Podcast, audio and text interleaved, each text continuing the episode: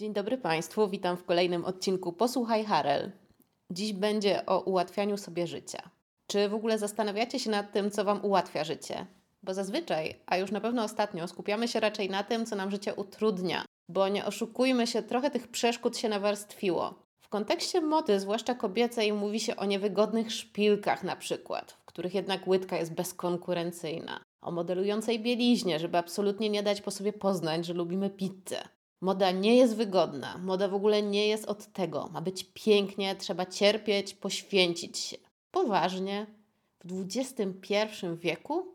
Na przekór, jak to zwykle u Harel, postanowiłam się skupić dziś na tym, co nam życie uprości. Owszem, to będą piękne rzeczy, bo przecież wygodne czy funkcjonalne nie muszą być od razu brzydkie, bez przesady. Ale przede wszystkim, co dziś bardzo istotne, te rzeczy, na których dziś się skupię, zastąpią nam mnóstwo innych rzeczy, które niekoniecznie są potrzebne. O co chodzi? To, że kupujemy za dużo ubrań jest jasne.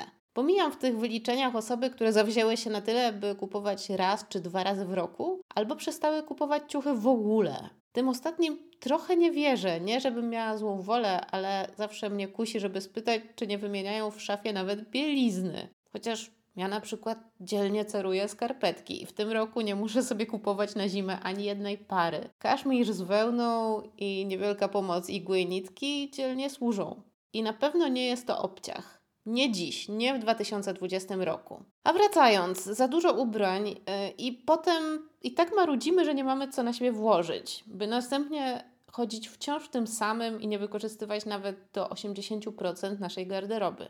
Ja tego nie wymyśliłam poważnie. Takie mamy badania. Takie mamy badania, które mówią, że chodzimy w 20-30% naszej całej garderoby. Dosyć jest to przerażające. Ja się w tym roku zawzięłam, żeby nie podbijać tych statystyk i z kilku względów mi się udało. Po pierwsze, po zmianie rozmiaru zrobiłam prawdziwy porządek i pozbyłam się większości rzeczy, które przestały na mnie dobrze leżeć. A po drugie, te, które zostały, uratowałam w bardzo prosty sposób. No i zaczynamy, bo oto elementy, które ratują mi życie, które ułatwiają mi życie, ulepszają to życie, a przede wszystkim pozwalają mi zatrzymać wiele rzeczy w garderobie, które już mam i nie kupować nowych, ponieważ, a zaraz sami się przekonacie. Dlaczego? Numer jeden. Pasek. Porządny pasek w moim przypadku to nawet kilka porządnych pasków, bo jeden jest szeroki, drugi wąski, jeden czarny, drugi brązowy, jeszcze jeden pistacjowy, bo był na przecenie. Haha. Zresztą przeceny to świetny moment na kupno paska, bo tu moda nie pędzi aż tak szybko, żebyśmy coś przestrzelili. Chyba, że zdecydujemy się na podróbę Bottega Veneta, ale zakładam, że nie. A może nawet by można zainwestować. Ja się zawsze trochę z tego słowa śmieję, ale okej. Okay. Zainwestować w taki pasek od projektanta, od Isabel Marant na przykład. Jeśli kogoś stać, nie widzę problemu. Ale do rzeczy. Co taki pasek robi? Oprócz tego, że trzyma spodnie w odpowiednim miejscu, podkreśla talię, nawet jeśli niekoniecznie jest obecna, służy też za akcesorium ozdobne. A jeden to poważnie uratował moją ulubioną kurtkę, która zrobiła się za duża. Tu podziękowania dla True Color by Anne, która sama wpadła na to, by mi do niej pasek dosłać. I nagle z szerokiej kurtki zrobiła mi się dopasowana w pasie historia. Tu znów muszę wspomnieć panią Marą. No, no cóż, bo wyglądam w niej teraz jak prosto z wybiegu. Pasek potrafi odmienić luźną sukienkę, zdyscyplinuje obszerną koszulę. Nawet do t-shirtu można go sobie umiejętnie dostosować, tworząc taką stylizację rodem z lat 70. Wyobraźcie to sobie. Macie dopasowaną koszulkę z rękawami do łokcia pod spodem szerokie spodnie i w te spodnie nie wkładamy koszulki i talię przewiązujemy cieniutkim paskiem. To jest świetne. Można kombinować z gotowymi paskami, na przykład dołączanymi do spodni typu paperback. Na pewno kojarzycie. One mają zwykle taki pasek w tym samym kolorze, z tego samego materiału, wbudowany, no raczej nie przyszyty. No jak ten pasek wyjmiemy i włożymy jakiś taki porządniejszy, to nagle y, się dzieje coś wspaniałego. Te spodnie nagle zmieniają kontekst, robią się ciekawsze, bardziej eleganckie albo bardziej yy, zwariowane. I mamy coś nowego. Z tych samych spodni, z tego samego płaszcza, z tej samej kurtki, z tej samej koszuli. Pasek odmienia. To jest jedna rzecz. Genialna. Druga sprawa. Cienka puchówka. To jest rzecz, o ile się nie mylę, opatentowana przez japońską markę Uniqlo kilkanaście lat temu. Obecnie jest dostępna w każdej sieciówce. Na pewno rozpoznacie. To są takie cieniutkie kurteczki, drobno pikowane w paski, bardzo lekkie. Niektórzy mi tutaj płaczą, że są z poliestru. No i proszę Państwa, co ja mam odpowiedzieć? Dopóki kurtka ma w środku puch, to nie ma tragedii, bo zazwyczaj kurtka zimowa, jeszcze jak ma być nieprzemakalna, no to musi być z poliestru. Oczywiście co innego, gdy ma ten poliester w środku, no bo to już wtedy nie będzie grzała, to raczej tego unikajmy, no chyba, że mamy uczulenie na pióra. Wtedy to chyba najlepiej sięgnąć po wełniany płaszcz, szczerze mówiąc, bo kurtka puchowa, jak sama nazwa wskazuje, powinna mieć w środku puch. Jeśli ma jakąś ocieplinę z poliestru, no to raczej to nawet nie jest ocieplina, to to się wyklucza. Ale wracając do kurtki. Te cieniutkie i takie w sumie mało efektowne rzeczy. Szczerze mówiąc, szczerze mówiąc, to ja ich nawet nie lubię. Ale odkryłam, że w zestawie na przykład z płaszczem na wierzchu są świetne. To jest patent, który podpatrzyłam na zdjęciach mody ulicznej z Seulu i Tokio. To jest taka niepozorna warstwa, która daje tyle komfortu, że jak raz człowiek spróbuje, nie będzie wiedział, jak mógł żyć wcześniej bez niej. I nagle wiosenny płaszczyk staje się zimowy, a ten przeciwdeszczowy nie sztywnieje z zimna, bo ma pod spodem solidne ocieplenie. Swoją kurtkę, czy nawet płaszczyk puchowy, bo to jest taka długa opcja do połowy uda, noszę właściwie już pod wszystkim. I nagle okazało się, że mam dwa razy więcej okryć wierzchnich na zimę. I nie to, żebym miała ich jakoś szczególnie dużo, ale zawsze przyjemna jest jakaś odmiana. Zamiast wrzucać na siebie klasyczną zimową kurtkę, mogę trochę poudawać. Na przykład biorę sobie taki cienki, długi trench. On jest na tyle obszerny, że mieści pod spodem właśnie taką puchówkę. Zresztą to nie jest nic trudnego, bo te puchówki są tak maleńkie, tak cieniutkie i tak lekkie, że właściwie ich nie widać. Jakim cudem one grzeją?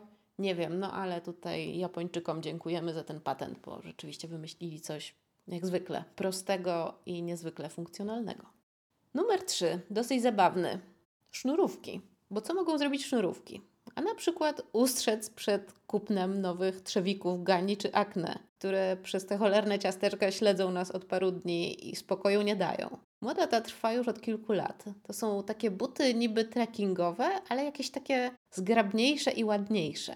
Jak się człowiek przyjrzy bliżej, okazuje się, że całość robią sznurówki. Kolorowe, nakrapiane, rzeczywiście jak ze sklepu turystycznego. Ostatnio zauważyłam, że ten patent stosują same marki.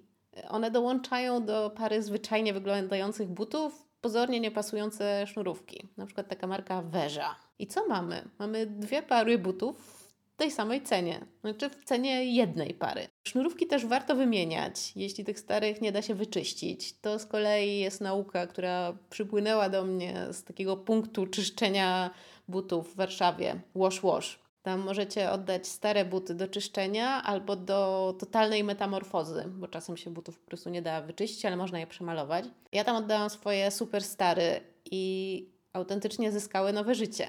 No i też oczywiście pomogły im w tym śnieżno-białe sznurówki. Ale też y, co dalej z tymi sznurówkami? Możemy zupełnie zaszaleć i nie wiem, zamiast sznurówek wrzucić jakieś taśmy takie włochate, jakieś y, futrza, no może nie z prawdziwego futra, ale takie futerkowe. To z kolei patent, który podpatrzyłam u Wandy Nowak.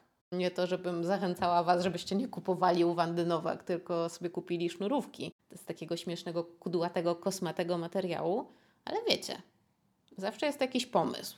No i jeszcze krok dalej. To znowu tutaj znów pozdrowię Ciaobasie z Insta, bo ona z kolei na sznurówki jeszcze nawleka różne koraliki i zawieszki i tworzy takie buty niesamowite, że to się w głowie nie mieści.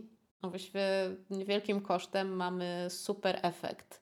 Znowu powiem te słowa. Jak z wybiegu. No ale rzeczywiście jest to jak z wybiegu, więc co tutaj udawać? No, nic tutaj nie naciągam, nic nie ściemniam. Numer cztery. Dobre okulary. Ja akurat noszę przeciwsłoneczne, bo jeszcze mnie wada wzroku nie dopadła.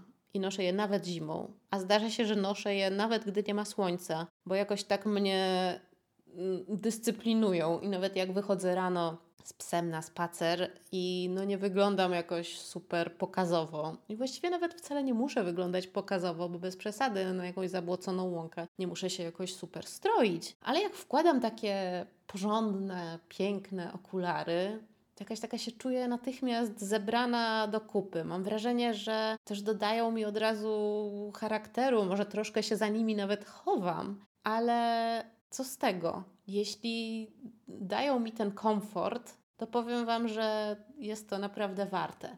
No a jak już nie mówimy o spacerze z psem, tylko w ogóle wychodzeniu gdzieś, no a czasem różnie się zdarza. Ja czasem na przykład zapominam zmienić buty i idę w tych strasznie zabłoconych gdzieś na spotkanie. No zdarza mi się niestety.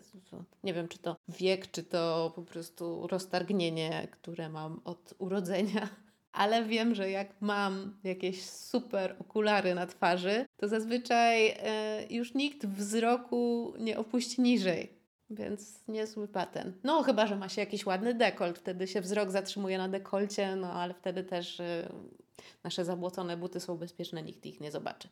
Taki słaby, seksistowski żarcik. No ale wiecie, Harel jest u Harel, może sobie pozwolić. No, nie próbujcie tego w domu. Numer 5. Dobry szalik, dobra czapka, dobre rękawiczki. Czy pamiętacie, jak w podstawówce i liceum rozpoznawało się kumpli już z daleka po kurtce, czapce albo szaliku? Bo nosiliśmy codziennie to samo. Nie było opcji dwóch czy trzech kurtek zimowych albo czapek na zmianę. Dopóki czapki czy rękawiczek się nie zgubiło, nie myślało się o innych. Dziś w dobie dostępności wszystkiego zawsze i wszędzie mamy tych akcesoriów zdecydowanie za dużo. Ja zaczęłam je ograniczać w momencie, w którym poznałam kaszmir i tu się kłaniam Marce Minu Kaszmir, która pewnie się nawet tego nie spodziewa. Tak swoją drogą też się nie spodziewa, że to powiem, ale jeśli kaszmir to sprawdzony, pamiętajcie o tym, a sprawdzony i certyfikowany właśnie na przykład w Minu znajdziecie. To nie była reklama. Ale od błękitnego szalika y, właśnie Minu się zaczęła rewolucja w mojej przepełnionej szafie. Podobnie rzecz ma się z czapkami. W ogóle warto sprawdzać skład, bo sporo fajnych czapek czy szalików jest niestety z akrylu, który może i wygląda jak wełna, a w dodatku nie gryzie, ale też nie grzeje, ani trochę. I zamiast grzać, to nas gotuje na twardo. Gdy mamy dobre gatunkowo akcesoria, to będą nam się pięknie łączyć z tym, co już w szafie mamy. Będą upiększać może nieco nudne płaszcze albo przewidywalne. Będą dodawać elegancji i szyku, ale bez przesady. Ja podkreślam, bo ja nie lubię zbyt eleganckich strojów, bo czuję się wtedy tak, jakby mnie ktoś wsadził w ramki i zabronił się ruszać. Ale porządny kaszmirowy szalik, może lekko wygnieciony, żeby tak nie przesadzić, będzie idealny. I na sam koniec zostawiłam jeszcze coś, co jest najmniej sexy na świecie. Bieliznę termiczną. Lata temu, gdy dopiero zaczynałam pisać blog, to zasłynęłam. zasłynęłam tekstami pod tytułem Przetrwać zimę. One dalej są na blogu. I tam wspominałam te bielizny, a mało kto się orientował, co mam na myśli. Czasy się zmieniły. Dziś mamy i polskie wersje. Tutaj Love on the Snow. Sprawdźcie koniecznie, bo to w sumie to nawet się wyklucza z tym, co mówiłam, że to nie jest sexy, bo ich bielizna jest i ciepła, i sexy. No i wspomniane wcześniej Uniqlo, które znów było w tej kwestii pionierskie. Tu się kłania linia hitek. I naprawdę nie wiem, jak mogłam bez niej żyć. A ja z tych, co to latały z gołymi nerkami, jak były modne jeansy biodrówki. A jak było minus 15, to w cienkich rajstopkach i cienkiej spódniczce pomykałam. Oczywiście puchówka na górze, no bo kto mi zabroni? Na szczęście to jest przeszłość. Zimą musi być zimno, jak głosi klasyczny cytat filmowy, ale to nie znaczy, że nam musi być zimno.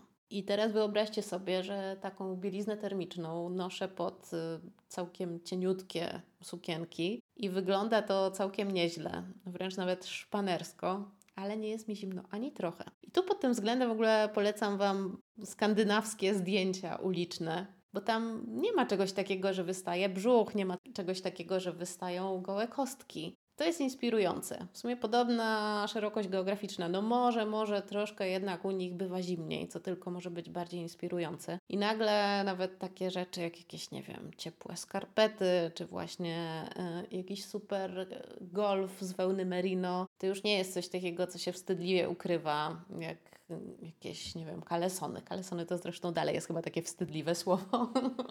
Tylko to jest coś, co może fajnie wystawać. Zresztą o czym my mówimy. Co zrobił Aleksander Wang dla Uniqlo? Właśnie w linii Hitek e, zaprojektował absolutnie genialne takie rzeczy bieliźniane noszone pod spód. Właśnie w ogóle nie sexy, ale za to na przykład w neonowym, żółtym kolorze. No niestety ta kolekcja była, minęła. Mam nadzieję, że jeszcze kiedyś się powtórzy, bo warto by było. Niestety przegapiłam i nic nie kupiłam. No ale mam. Z drugiej strony taka bielizna termiczna to jest jeden zakup na, na 10 lat Naprawdę. Te rzeczy, które mam, kupiłam w Uniqlo jakieś 10 lat temu i one się nie starzeją, no bo co ma się zestarzeć? Ewentualnie się rozlecą ze starości, ale raczej nie. A zresztą jak się coś rozlatuje ze starości w naszej szafie, to tylko znaczy, że doskonale sobie radzimy. No chyba, że się rozlatuje po miesiącu, ale to już może zostawimy na inny temat. Kończę dzisiejszy odcinek. Chciałabym jakoś optymistycznie zakończyć, ale nie wiem, czy to jest w ogóle możliwe. Zatem życzę miłego dnia i życzę samych rozsądnych wyborów i pamiętajcie, tutaj naprawdę nie jest to banał, że mniej znaczy więcej, czasem naprawdę mniej znaczy więcej. Dziękuję za uwagę.